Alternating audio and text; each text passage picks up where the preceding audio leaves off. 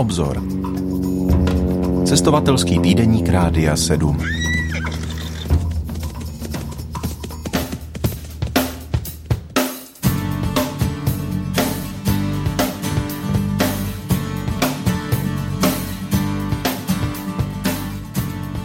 Vítejte u poslechu pořadu, ve kterém vás týden co týden lákáme za obzor do zemí, které voní dálkami a novými zkušenostmi. No a pravidelně se tady u mikrofonu střídají lidé, kteří tu kterou zemi okusili na vlastní kůži. Dnes mám u mikrofonu Bohdana Čančíka. Dobrý den. Dobrý den. Kterou zemi vy jste navštívil? Letos jsem navštívil Peru. Je to zajímavá země a nikdy jsem nepočítal, že se tam ocitnu. takže právě o Peru si dnes budeme povídat. No a na úvod je tady naše pravidelná rozhlasová pohlednice. Peru leží na severozápadě Jižní Ameriky. Sousedí s Bolívií, Brazílií, Chile, Kolumbií a Ekvádorem. Peru je třetí největší stát jihoamerického kontinentu. Je rozděleno na tři oblasti, které se táhnou ve směru sever-jih. Na západě se nachází poušť Sečura – Dále na jih je pobřeží převážně skalnaté se souvislým pásmem hor. Z peruánských And protéká pouští asi 50 řek. Andy se zvedají směrem do vnitrozemí až do výšky přes 5000 metrů. Nejvyšší hora Huarascán dosahuje výšky 6768 metrů nad mořem.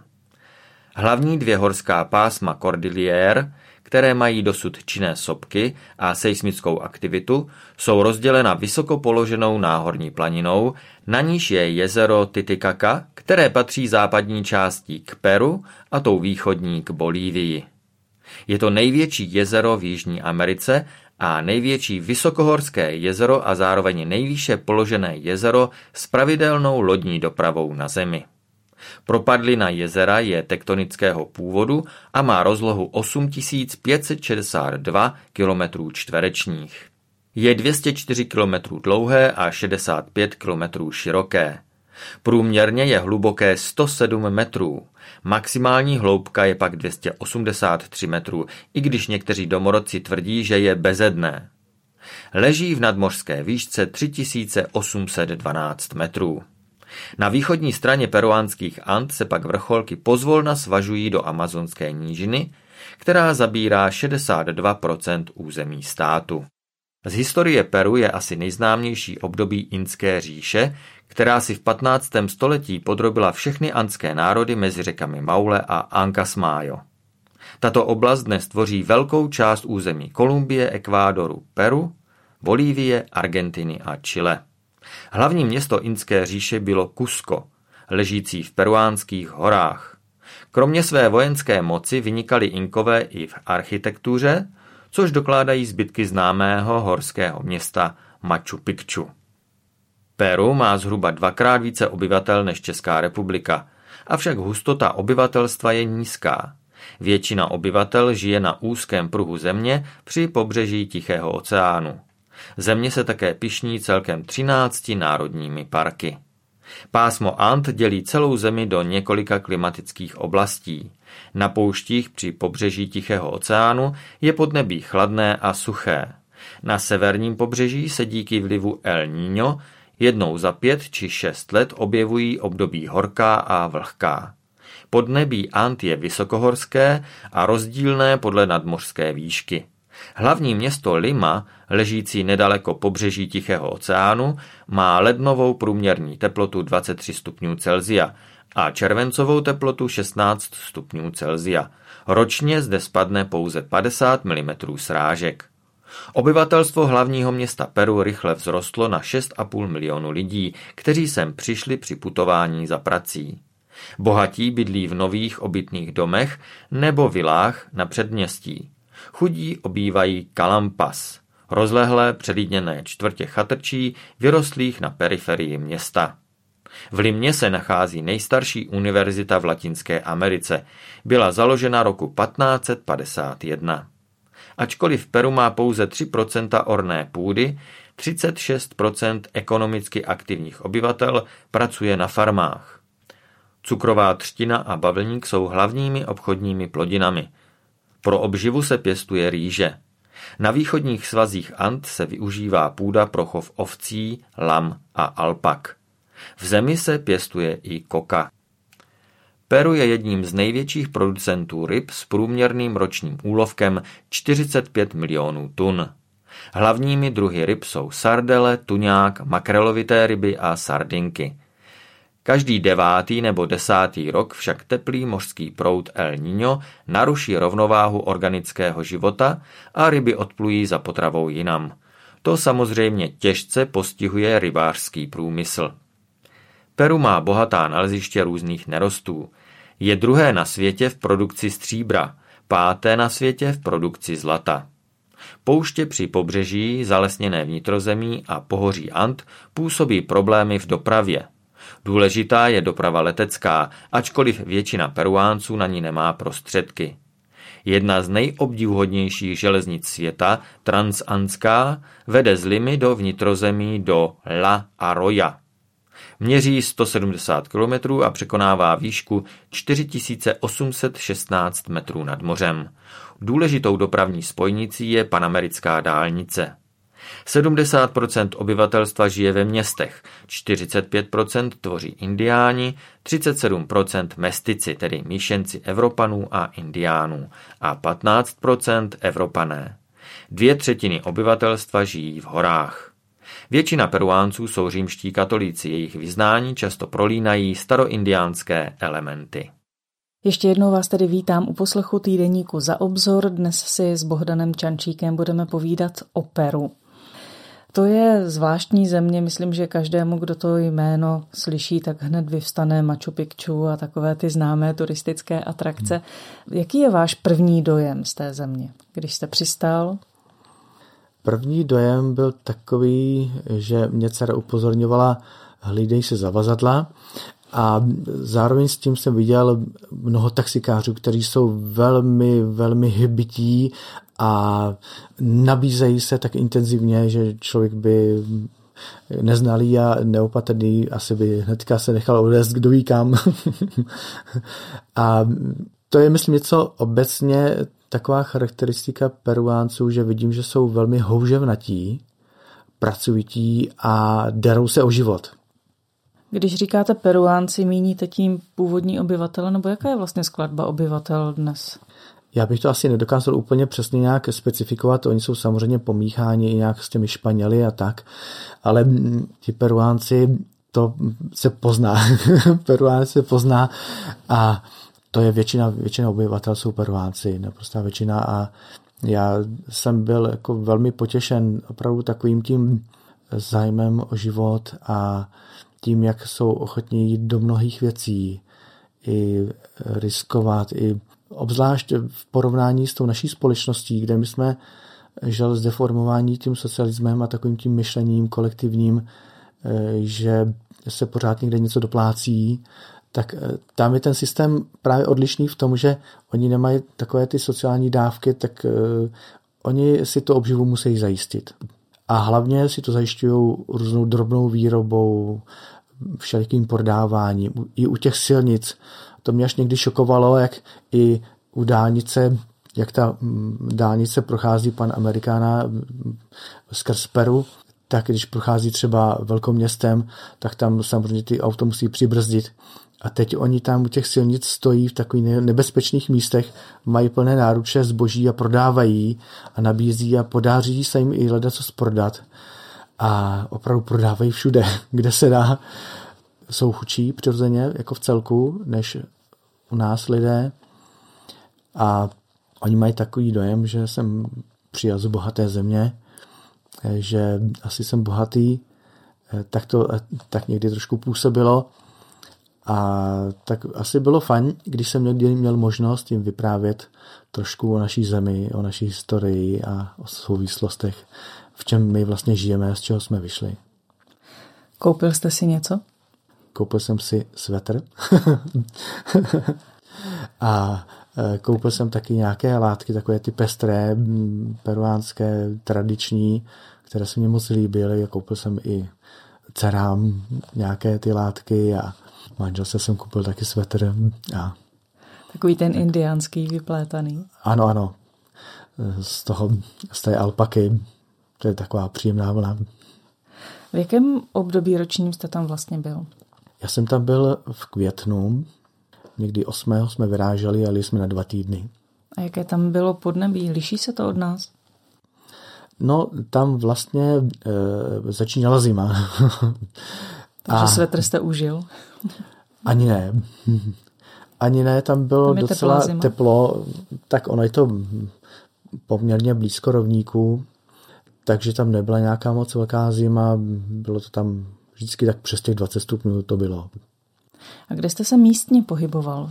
Přiletěl jste do Limy, předpokládám? Ano, přiletěli jsme do Limy a tam jsme se ubytovali o, u jednoho pastora jednoty bratrské a mm, setrvali jsme tam asi čtyři dny. A potom jsme se přemístili na sever e, autobusem asi 12 hodin cesty a tam jsme pobývali u jedněch, v jedné rodině v Lambajeke a jezdívali jsme do Čiklaja.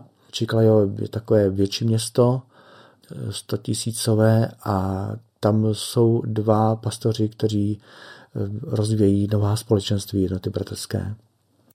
No vidíte, to je zajímavé, že do jednoty bratrské, která má původ v České eh, republice ano. nebo na území České republiky, eh, že má takhle sbory po světě. Kolik je jich vlastně v Peru celkem? Ta společenství tam jsou čtyři. Dvě společenství jsou v Limě a dvě společenství v Čiklaju. Váží se ještě zpátky k té původní jednotě, ví, že měla svůj původ tady u nás?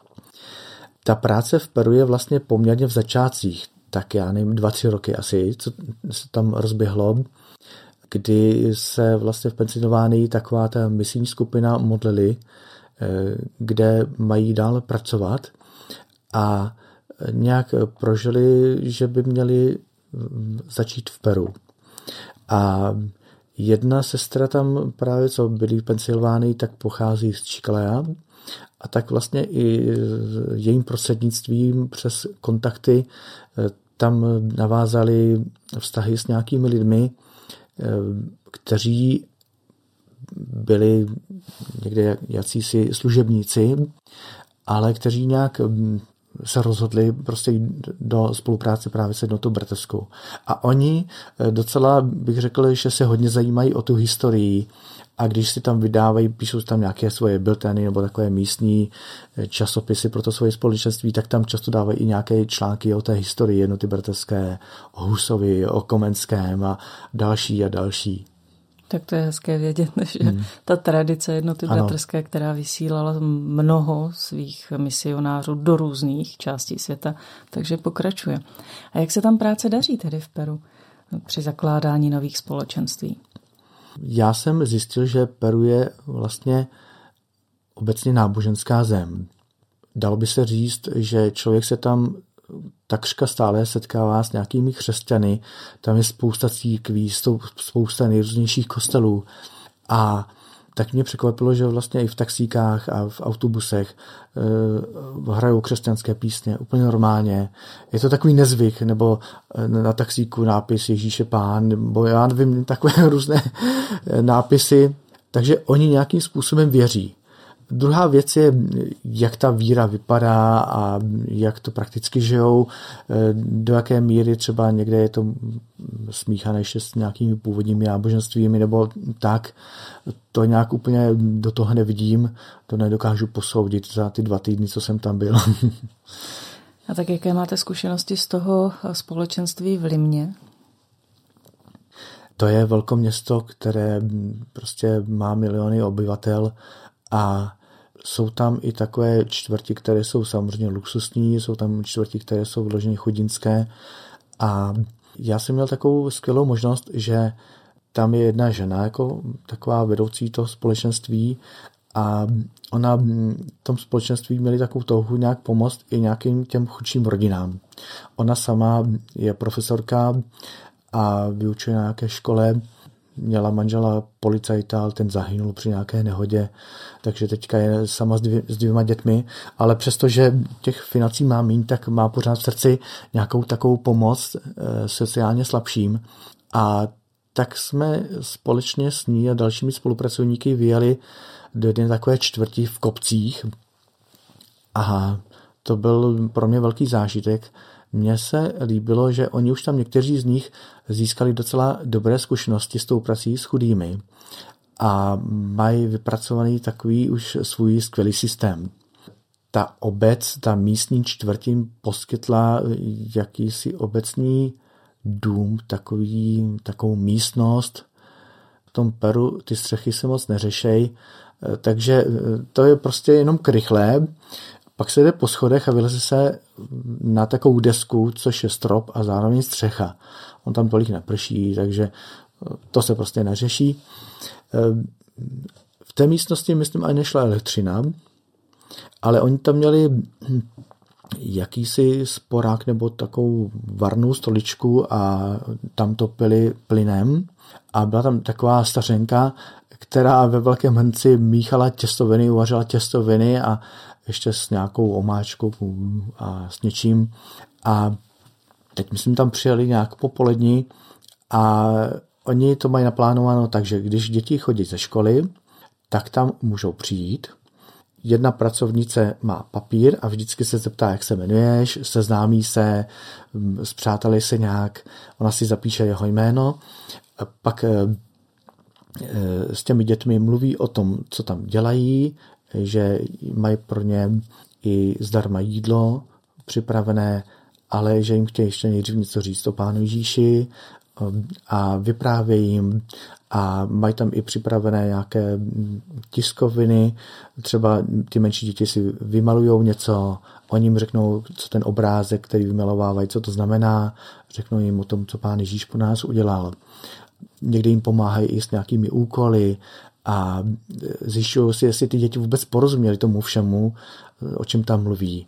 A pak, když tohoto všechno dokončí, tak ty děti dostanou jídlo a když chtějí, tak tam ještě zůstanou a můžou si hrát nějaké hry s některými, anebo třeba užou domů ale mají to takhle pěkně seřezeno, a takže ty děti tam nechodí jenom se najíst, ale oni se jim nejdřív věnou úplně osobně, navážou ty vztahy a pak některé tam třeba i ty nejmenší třeba krměj, tam byla holčička, a ještě předškolní vlastně, eh, kterou tam ta jedna, ta pastorka tam krmila a tak mám z toho takové krásné fotky.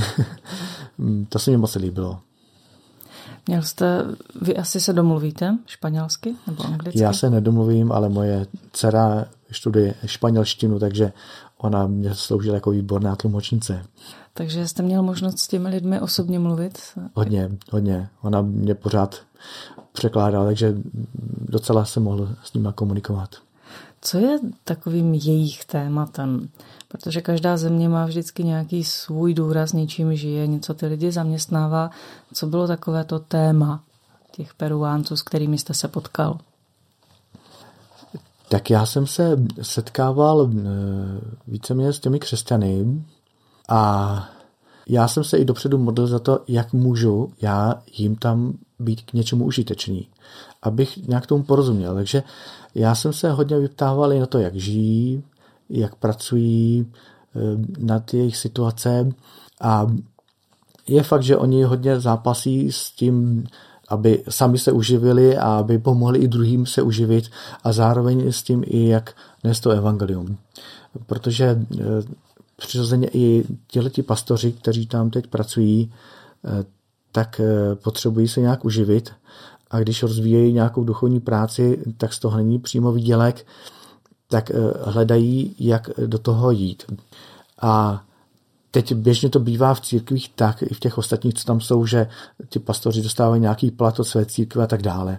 A teď oni jsou na tom tak, že to tak moc není. Trochu něco dostávají od té světové jednoty bratrské, a teď oni vidí, že by potřebovali nějak zaplatit nájem nějaké lepší místnosti nebo pořídit židle a další nějakou třeba techniku, tak eh, mě říkali, že třeba ten jeden, že by potřebovali si koupit dataprojektor. A a já jsem si říkal, no, to bychom také ještě asi potřebovali nějaký koupit, ale tak eh, člověk probíhá v hlavě různé ty myšlenky, si srovnává s vlastní zemí, ale já jsem tak nějak vnímal, že můj úkol tam je asi hodně pozbudit v tom, aby byli odvážní, aby se nebáli jít do některých věcí, do kterých třeba se učíme jít i my. Protože já jsem taky musel trošku vysvětlit i naši historickou souvislost s tím, že jsme tady měli ten socialismus a jak se teď změnila situace s novým zákonem o církvích a my se učíme hospodařit novým způsobem.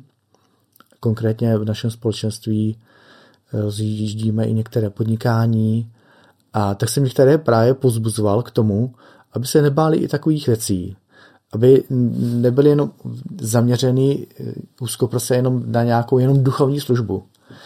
A říkal jsem, v historii jednoty bratrské to bylo vždycky tak, že prostě ti služebníci museli umět nějaké řemeslo, museli se umět uživit. A navíc člověk se i někdy právě těmito způsoby dostane ještě víc mezi lidi. A jeden pastor mě právě říkal, no já jsem moc rád, že jsi přijala, že tady o tom vyprávíš protože já jsem měl nějaké věci v srdci, ale jelikož to není obvyklé, tak jsem v tom byl takový váhavý a ty jsi mě teďka pozbudil. A tak eh, to mě moc potěšilo, že, eh, že ta mise nějak eh, v tom božím duchu byla naplněná v určitých věcech. Viděl jsem, že Bůh to opravdu potvrdil, abych je tam pozbudil v některých nových věcech i tak otevírat oči pro nové obzory. Posloucháte relaci za obzor. Dnes si s Bohdanem Čančíkem povídám o jeho cestování po Peru. My už jsme tu zmínili, že jste spolu s dcerou tedy nejprve zavítali do Limy a pak jste jeli na sever země, 12 hodin cesty autobusem. Ano. Jak se ta země liší? Jak je to na severu jiné? Jak to tam vypadá? No, když se jede tím autobusem, tak člověk sleduje tu zem a někde, někde to jsou úrodné úseky, někde to jsou úplně pustiny. A e, na tom severu bych, mně to přišlo podobné, ale oni se snaží opravdu obdělávat, co se dá a už jsem zmiňoval, že jsou opravdu houževnatí v mnoha věcech. Ta Lima, to je prostě velkoměsto, to je, to je něco vždycky specifického a já osobně vždycky mám přirozeně radši eh, menší, menší města, eh, tak v tom jsem vyrůstal a to mě vždycky blíží, takže i to mě tak nějak víc vyhovovalo, když se můžu lépe i zorientovat a tak dále. Takže nedokážu úplně osobně posoudit nějaký velký rozdíl mezi tím velkoměstem a tohletou oblastí, ale prostě líbilo se mi tam určitě. Objížděli jste i nějaká ta turistická centra, když už jsme to zmínili, to Machu Picchu. Byli jste tam? Na Machu Picchu jsem přímo nebyl, tam byla dcera v zimě, když tam byla na svém misijním výjezdu dvouměsíčním, ale nevím, jestli se tam někdy podívám. Oni mě tam zase zvali, že ať přijedu, že mě vemou někam do hor. Ale byli jsme v jiných místech, byli jsme se podívat na některých těch pyramidách, takových hliněných, a to mě překvapilo, to jsou zajímavé stavby. Tím, že tam eh, nejsou takové srážky, takové deště, tak tyhle ty dávné stavby tam poměrně eh, desítky let a staletí přetrvávají. Někde eh, samozřejmě si, se ty stavby vyloženě obnovily jako památky muzejně a zpřístupnili se veřejnosti. My jsme jednou s kterou jeli do jednoho města teď mi vypadl název, to už bylo na cestě zpátky do Limy a tam jsme směřovali právě do jednoho místa, kde jsou obnovené ty pyramidy a ta sídla. A dokonce jsme narazili na určité místo, my jsme špatně vystoupili z taxíků a teď jsme tam viděli takové hromady u silnice. Tak já jsem do toho vlezl a dcera šla za mnou a tak jsme to prolízali a zjistili jsme, že jsme se ocitli vlastně v takových starých sídlech, kde byly různé domy, různé stěny a teď jsme viděli ty hliněné cihly, jak z toho postavili stěny a procházeli jsme těmi chodbami a bylo to velmi zajímavé. Bylo to obrovsky i napínavé, eh, Jinak Peruánci nás obecně vždycky varovali a říkali, buďte opatrní, ať vás někdo neokrade nebo vám neublíží nějak. A teď jsme tam prolízali tyhle ty pustiny a najednou jsem ucítil nějaký kouř, jako kdyby někdo někde pekl rybu nebo něco takového a jsem si říkal, vždyť vlastně on to možná není tak úplně bezpečné tady se pohybovat. Ale tak jsem si říkal, už jsme tady, tak jsme šli ještě dál, prochodili jsme to, nikoho jsme nepotkali. Ale je fakt, i dcera přiznávala, že to byl daleko větší zážitek, silnější, než pak, když jsme dorazili do toho, do těch památek oficiálních, kde se zaplatí vstupné, kde už teda to má i takový ten vzhled, jak, jak to kdysi vypadalo, jakoby finální, ale to byl opravdu takový zvláštní zážitek.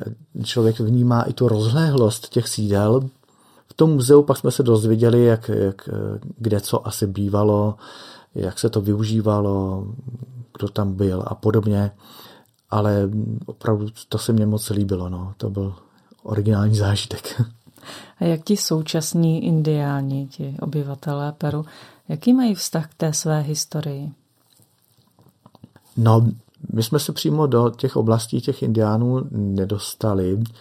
Já úplně v této oblasti nejsem tak zběhlý, takže o tom si netroufám úplně tolik mluvit, ale dcera dostala jednu nabídku, že by někdo vzal právě tam i někam do těch pralesů a do těch oblastí těch indiánů, kde ještě tak nějak žijí takovým tím obyčejnějším způsobem. Ale slyšel jsem třeba, slyšel jsem určité vyprávění, že když tam přišli Španělé jako kolonizátoři, tak eh, ti běžní obyvatelé je docela vítali, protože ti vládcové tehdejší eh, byli dost tvrdí a brali těm lidem jejich dcery, dívky a je různě obětovali božstvům a tak dále. Takže oni na ně byli poměrně naštvaní a když přijeli, přijeli Španělé, tak oni rádi s nima mnozí spolupracovali. Nedokážu úplně posoudit situaci dneška, jak to tam je. Důležitou otázkou každého takového pořadu je otázka jídla místního. Co jste ochutnal? Co si tak jako nesete, že byste to třeba transformoval i do českých poměrů? Už když tam byla dcera, když jsme občas skypovali, tak, tak vyprávěla o některých jídlech nebo dávala na web různé obrázky, vždycky nafotila. Eh, tam je poměrně, samozřejmě se tam hodně využívá rýže a jedno z takových tradičních jídel je třeba husa, takže taky jsem měl jednou právě husu s rýží a, eh, a nějakými přílohami. Eh, hodně tam bývají také ryby a mě zaujalo taky třeba seviče, to je vlastně ryba, která se pokape nějakou limetkou a tam asi probíhá zřejmě nějaká reakce, a, ale ta ryba si nějak teplně nespracovává. K tomu se udělá nějaký salát třeba z mořských řas. A, Pěkně zasirova. No, no. A dobré jídlo, mě to velmi chutnalo. Je fakt, že já jsem člověk, který se nebojí nových věcí, nových jídel a který prakticky všechno. Takže mě nedělá problém jíst neznámá jídla. Samozřejmě člověk si někdy zvyká na určité chutě, já nevím, nějaké pečené banány a další takové různé specialitky, nebo ty jejich sladké brambory. Jsou určitá jídla, na které asi prostě člověk musí zvyknout. No. A z oblasti pití nějaké nové chutě? Jo, speciální takový nápoj tam mají Inka kolu. jak je u nás kofola, tak oni mají Inka kolu. A jak to chutná? Dcera to pojmenovala, že to je jako když se dá žvíkačka Pedro do naší nějaké limonády. je to žluté. Setkání s lidmi v nás zanechávají různé odezvy. Je někdo, koho si tak nějak v srdci nesete z té své peruánské cesty, na koho rád vzpomínáte? Nejvíc mě možná přirostli k srdci lidé, kteří jsou možná obyčejnější, prostší, ale o to víc mají srdce na dlaní. A asi by to byl jeden takový manželský pár v tom Čiklaju, kteří vůbec eh, jejich rajony služební je v okrajové čtvrti tohoto města, kde jsou skutečně chudí lidé a Oni se schází i s tou skupinou dospělých a dětí někdy po domácnostech, kde v těch domech je, není to úplně vždycky nejčistší, A někdy, někdy jsme se scházeli i v takových domech, kde to i jakoby smrdělo, ale o to, o to bylo milejší, když jsem viděl, jak ti lidé dovedou být srdeční, takový spontánní a i milují Boha. A to mě moc těšilo, když jsem viděl, jak ti lidé opravdu jsou takový srdeční a asi nejvíc právě ten manželský pár v tom Čiklaju, ale bylo tam víc takových lidí, kteří mě přirůstali k srdci. A myslíte, že má šanci ta práce jednoty bratrské v Peru, když je to, sám říkáte, v podstatě křesťanská země, nebo minimálně náboženská země, je tam eh, spousta projevů té náboženskosti. Dá se tam nějak oslovit evangeliem? Já jsem přesvědčen, že ano, protože ani ty kostely nejsou nějak plné zase. Jo. Jo, tam spousta církví a je tam, bych řekl, jakoby, jakoby nějaké náboženské křesťanské povědomí, ale ten život prakticky s tím Bohem, to je druhá věc vždycky. A my to známe i u nás v naší zemi, jsou některé oblasti, které jsou víc nábožensky založené, ale takový vždycky otázka, jak ti lidé, jestli skutečně žijou s Bohem. Někdy, někdy dokonce v takové oblasti je i náročnější ta služba, protože ti lidé si myslí, já jsem věřící, ale vůbec nepochopili, co to je vztah s Bohem, co to je život s ním a že to je vlastně radost, že to je osvobozující a že nás Bůh vede do nových věcí. A to si, v tom si myslím, že tam je právě i to poslání té jednoty bratrské, aby přinášeli to svědectví o e, životu následování Ježíše, o službě a tak dále. Nakolik je ta země rozvinutá v tom našem západním slova smyslu? Jak si to můžeme představit? No, já myslím, že jak jsem to vnímal já, tak vnímám, že tam to zemědělství je asi to hlavní, čím oni se živí a je tam i nějaký průmysl, ale viděl jsem, že i prostě to zemědělství, že tam se mnoho věcí dělá ručně, které by se už u nás vůbec určitě nedělaly. U nás je prostě i ta politika celkově jiná, takže u nás je práce hodně drhá, u nich je to nastaveno úplně jinak, ta ekonomika, takže tam lidé dělají spoustu drobných ručních prací, i to obilí, tu rýži, oni tam je přebírají, eh, nohama roz, rozhrnujou po plachtách a, a sušej a pak to nabírají a pytlují. No, překvapily mě některé věci v tomhle směru, ale je to prostě úplně jiný systém. Posloucháte relaci za obzor, jejímž hostem je dnes pan Bohdan Čančík. Vyprávíme si o jeho cestě do Peru. Když si povídám s různými cestovateli, tak je docela zajímavé sledovat, jak v různých zemích hraje různou roli čas. Třeba o Afričanech se často říká, že nemají hodinky, ale mají čas. Jak je to s otázkou času a přesnosti v Peru? V Peru eh, bych řekl, eh, že to dochvilnost tam často je trošku problémem, eh, takže oni ten čas taky berou trošku ještě jiným způsobem než my, ale mm, když jsme třeba přišli na nějaká setkání, tak oni se scházeli delší dobu a mezi tím povídali. A tam se to prostě bere, že už to eh, se pokládá eh, za nějakou tu společenskou událost. Byl jsem taky teda i ve společenství, kde, kde se začalo docela na čas, to mě taky překvapilo milém. Ale asi možná to někdy záleží na tom, kteří lidi to vedou a jak, jak tomu dávají důraz. Takže někdy jsem zažil i v té limě, že opravdu i ty přípravy probíhaly další dobu. On to souvisí s mnoha souvislostmi, že třeba ten pastor svážel i některé lidi zase na to setkání a, a tak, takže ten čas se prostě přirozeně využívá. Z jiného pohledu úplně to je byla taková zajímavá věc, že eh, jsme jednou s dcerou vyrazili na pyramidy a teď jsme tam dojeli a teď jsme se dívali z té pyramidy a eh, snažili jsme se najít si, kde je to Lambajeka, kde jsme byli ubytováni, auto jsme přijali a teď já říkám, no tamhle je přece sever, tak to musí být tamhle tím směrem. Ona říká, ne, opačně, vždyť tady jsme přece na jižní polokouli. a najednou mě došlo, že tady je to přesně všechno opačně.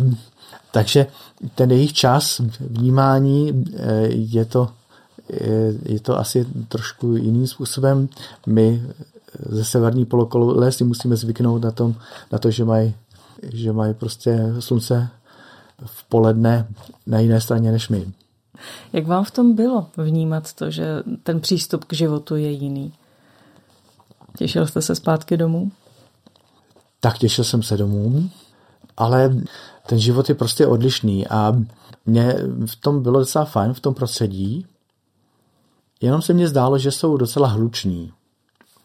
A to, když člověk jde po ulici, tak jak jsem už říkal v úvodu, jak se darou o ten život, tak i ti taxikáři, tam jezdí třeba jakési mikrobusy, jak my u nás známe, a oni tam nadspou tak těch zhruba 9 až 15 lidí, jak se to dá, je jeden řidič a pak takový jakoby průvodčí, který otvírá dveře, který vždycky volá a volá, kam jedou. Tak volá, lambajke, lambajke, lambajke. Ještě rychleji, než to říkám já, to nedokážu tak rychle. A oni to třeba čtyřikrát, pětkrát zopakujou, aby všichni slyšeli, kam jede. A pořád někde volají a pak zase vedle volá někdo jiný a pořád někdo něco nabízí. No a hraje hudba na hlas a teď oni už k tomu mají takové ty hlasy, takže to dokážou překřičet. to já bych nezvládl. Takže trošku ta hlučnost mě vadila. Ale tak když tam je člověk na dva týdny, tak to zvládne a, a bere to jako takovou specifiku, na kterou by si nějak musel zvyknout, kdyby tam žil. Je to šromec, který člověk bere jako turistickou atrakci a rád ano, si odpočine. Že? Ano, ano. Když vy jste se pohyboval většinou v soukromí nebo na návštěvě u konkrétních lidí, eh, mají ty domácnosti nějaké svoje zvyky? Si pamatuju, že eh, nedlouho po sametové revoluci, když jsem začal ten příliv Američanů, tak se všichni Američané strašně smáli, jak my se doma vždycky zouváme. No já jsem nějak nepozoroval úplně nějaké specifické zvyky. Asi jsem neměl tolik příležitosti tohoto pozorovat, takže eh, nevím, nevím, co bych takhle úplně speciálně řekl. Byli takový, byli příjemní a pohostinní. To určitě můžu říct, že jsou velmi pohostinní. Dá se nějak říct, jak tráví volný čas? My jsme tady v té Evropě trochu postižení prací. Jak je u nich ten poměr práce, odpočinku, relaxace, nějakého společenství? No, my jsme v Lambajeke bydleli v rodině, eh, kde oni vlastnili restauraci, nebo vlastní restauraci a ta majitelka nám poskytla Eh, své dva pokojíky, kde jsme mohli s dcerou pobývat.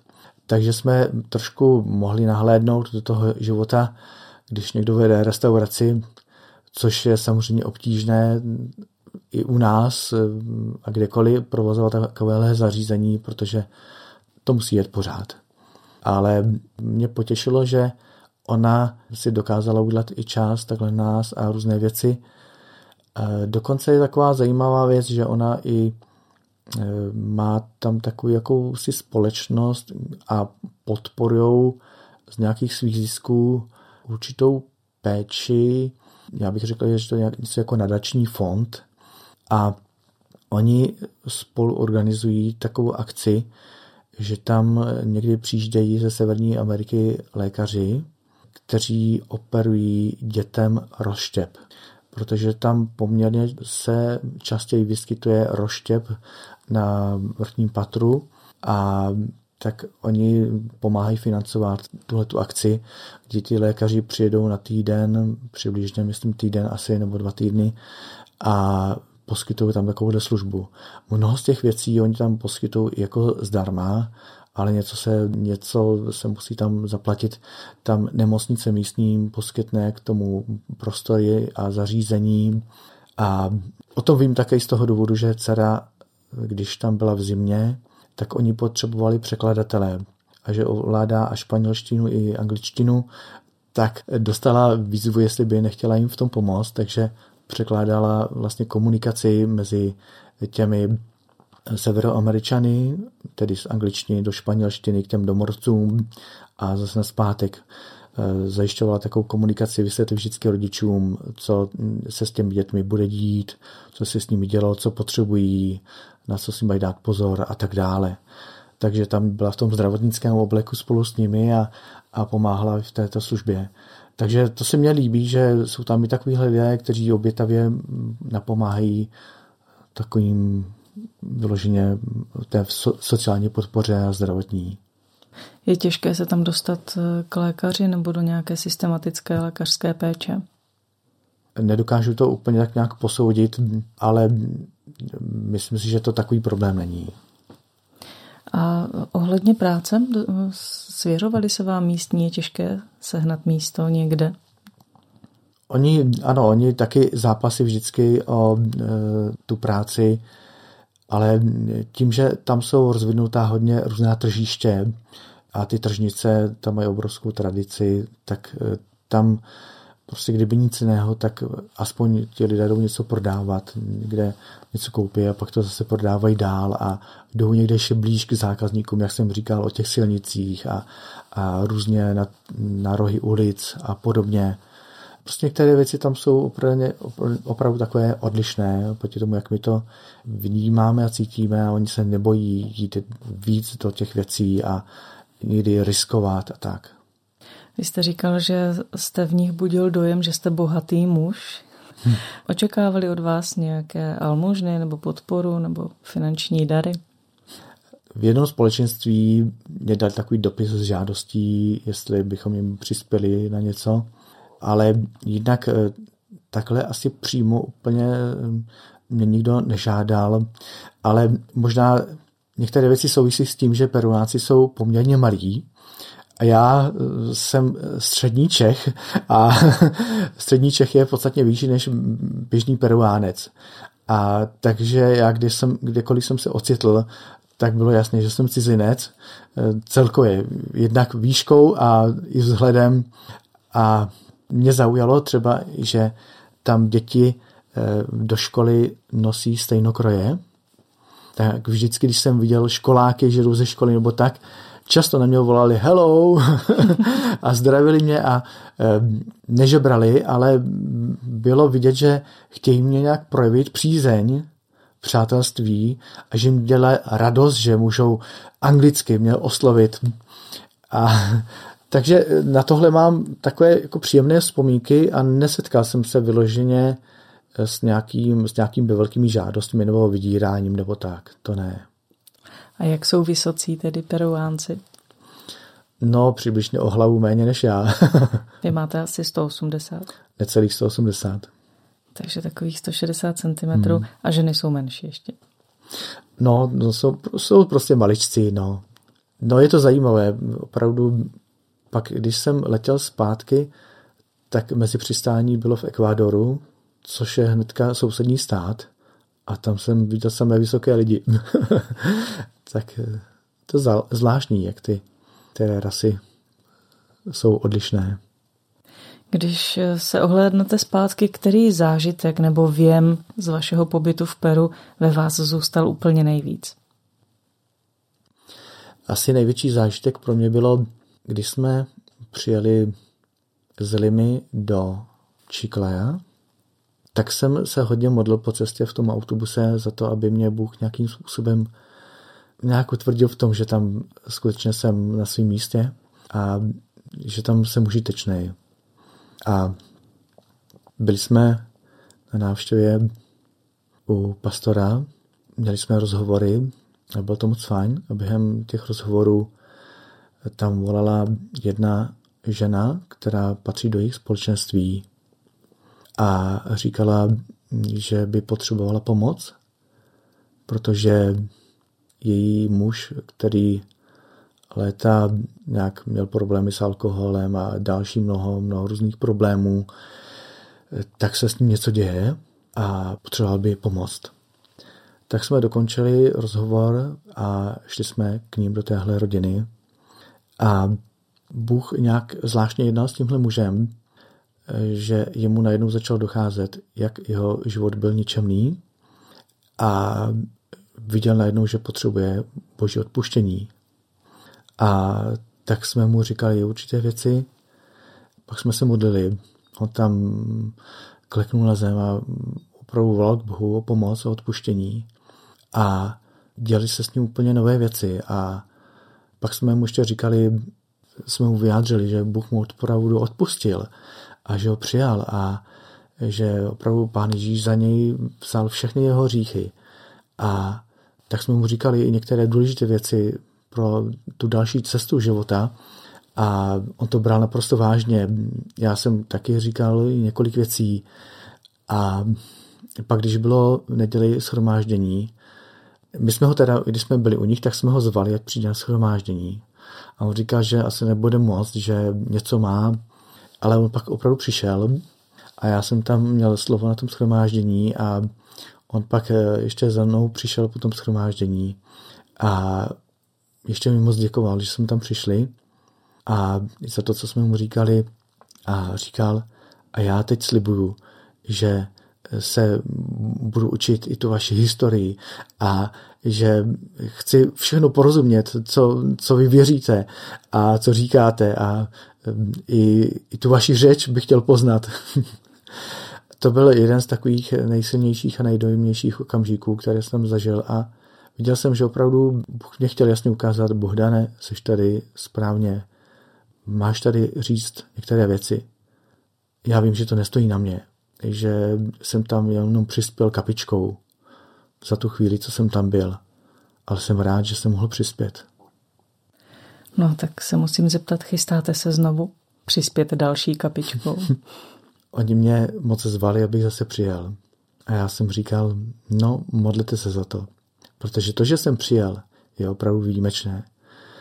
Já bych to neplánoval, španělsky neumím, Eh, já jsem díky tomu, že moje dcera mě zajistila veškerý servis, že to připravila, já jsem utekl z množství práce, nebo ne utekl, odběhl a když jsem se vrátil, tak jsem zase musel mnoho věcí dohánět, ale bylo to pro mě potěšením a stejně tak, jak jsem to neplánoval vůbec dopředu a Bůh to připravil, tak věřím, že když Bůh bude chtít, že tam zase přijedu. Rád bych, bylo by to pro mě potěšením, ale nevím, jak to bude. Já celkem cestuji rád kamkoliv a rád naplňuji prostě to, co je užitečné. Vám přeju hodně moudrosti a otevřené ty vnitřní uši, abyste ano. dobře slyšel, vnímal a rozpoznával. Hmm. Děkuji. Za rozhovor děkuji Bohdanu Čenčíkovi, děkuji, že jste tedy jednak poslechl a jel tam, kde jste být měl, ale také, že jste přijel nám o tom sem do Rádia 7 popovídat. Děkuji vám. A taky děkuji. Od mikrofonu se loučí Kateřina Hodecová a přijměte pozvání zase k příští cestě za obzor. Naslyšenou.